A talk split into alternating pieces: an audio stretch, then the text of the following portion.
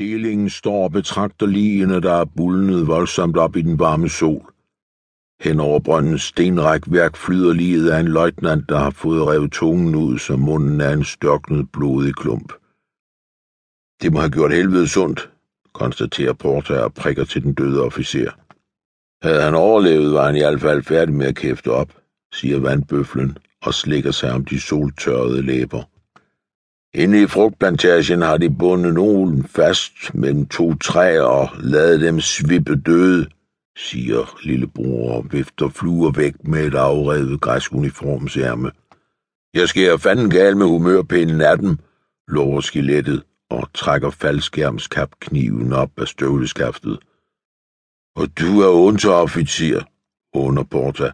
Fejlen er, du har set for lidt til døden. Partisanerne skal da have lov til at have deres sjov, mener lillebror. Vi tyskere kunne jo bare være blevet hjemme. Porta åbner den døde stabsalmeisters stivnede mund. Tandlægetangen glimter i solen, og Porta er to guldtænder rigere.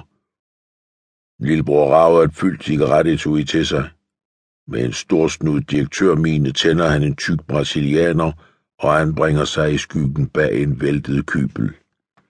Tung, terrængående mandskabstransportvogn. Men først skubber han chaufførens blodige lig til side. Selv lige kan man bruge herude i krigen, siger Porta. De holder fluerne væk fra os, der lever endnu. At der findes så mange fluer, undrer Gregor sig, da en tæt summende sky står i vejret fra den døde trænsoldat. Porta åbner en dåse tunfisk og skovler det hele i sig med bajonetten. Tunfisk er sundt, står der uden på dåsen.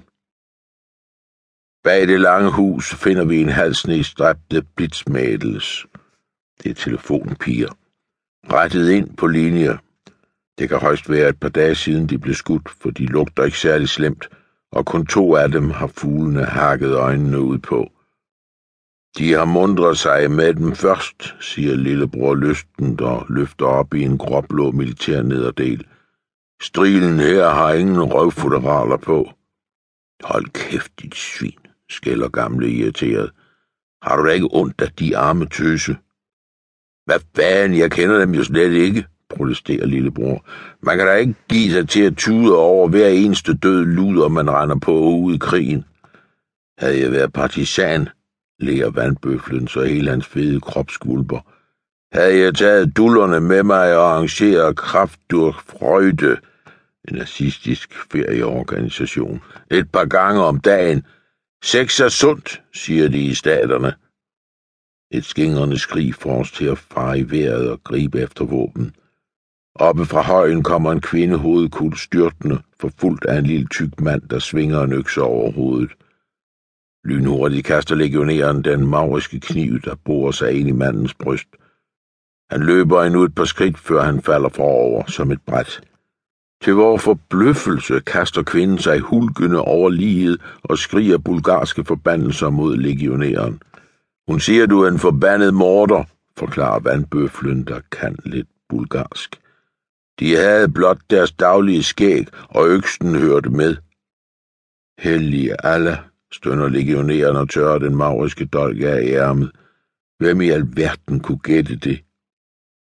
En plabrende krup diesel rumler ind i den solhede landsby.